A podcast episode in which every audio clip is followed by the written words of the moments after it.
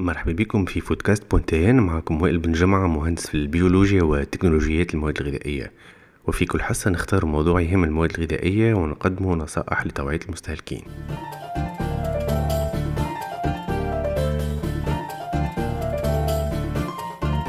Foodcast مع وائل بن جمعة. مرحبا بكم في Foodcast point tn موضوع بودكاست اليوم هو الحفاظ على الأطعمة في فصل الصيف. في فصل الصيف ومع موجات الحرارة الكبيرة كما اللي نعيشوا فيها الأيامات هذه ومع حلول فترات العطلة الصيفية التونسي يميل أكثر شوية إلى التراخي وكما نقولوا يسيب شوية الماء على البطيخ وينجم يهمل الحفاظ على الأطعمة متاعه خلال فصل الصيف.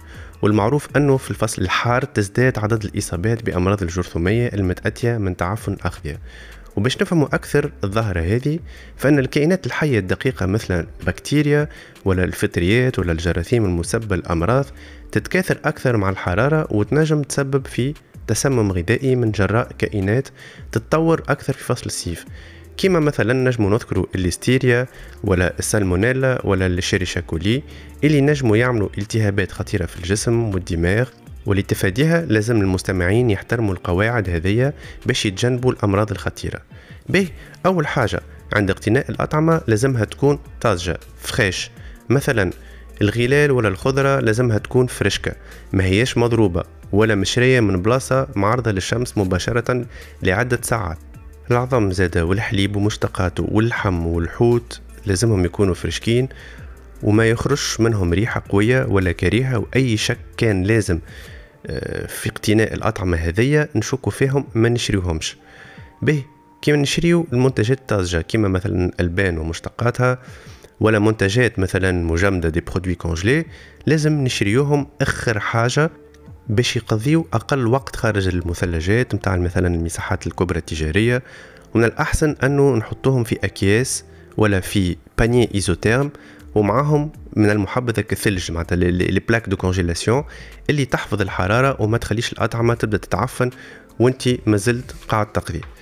ثالث حاجة حفاظ الأطعمة في الثلاجة. كان مازالت ما طابتش ولا حتى كان طابت.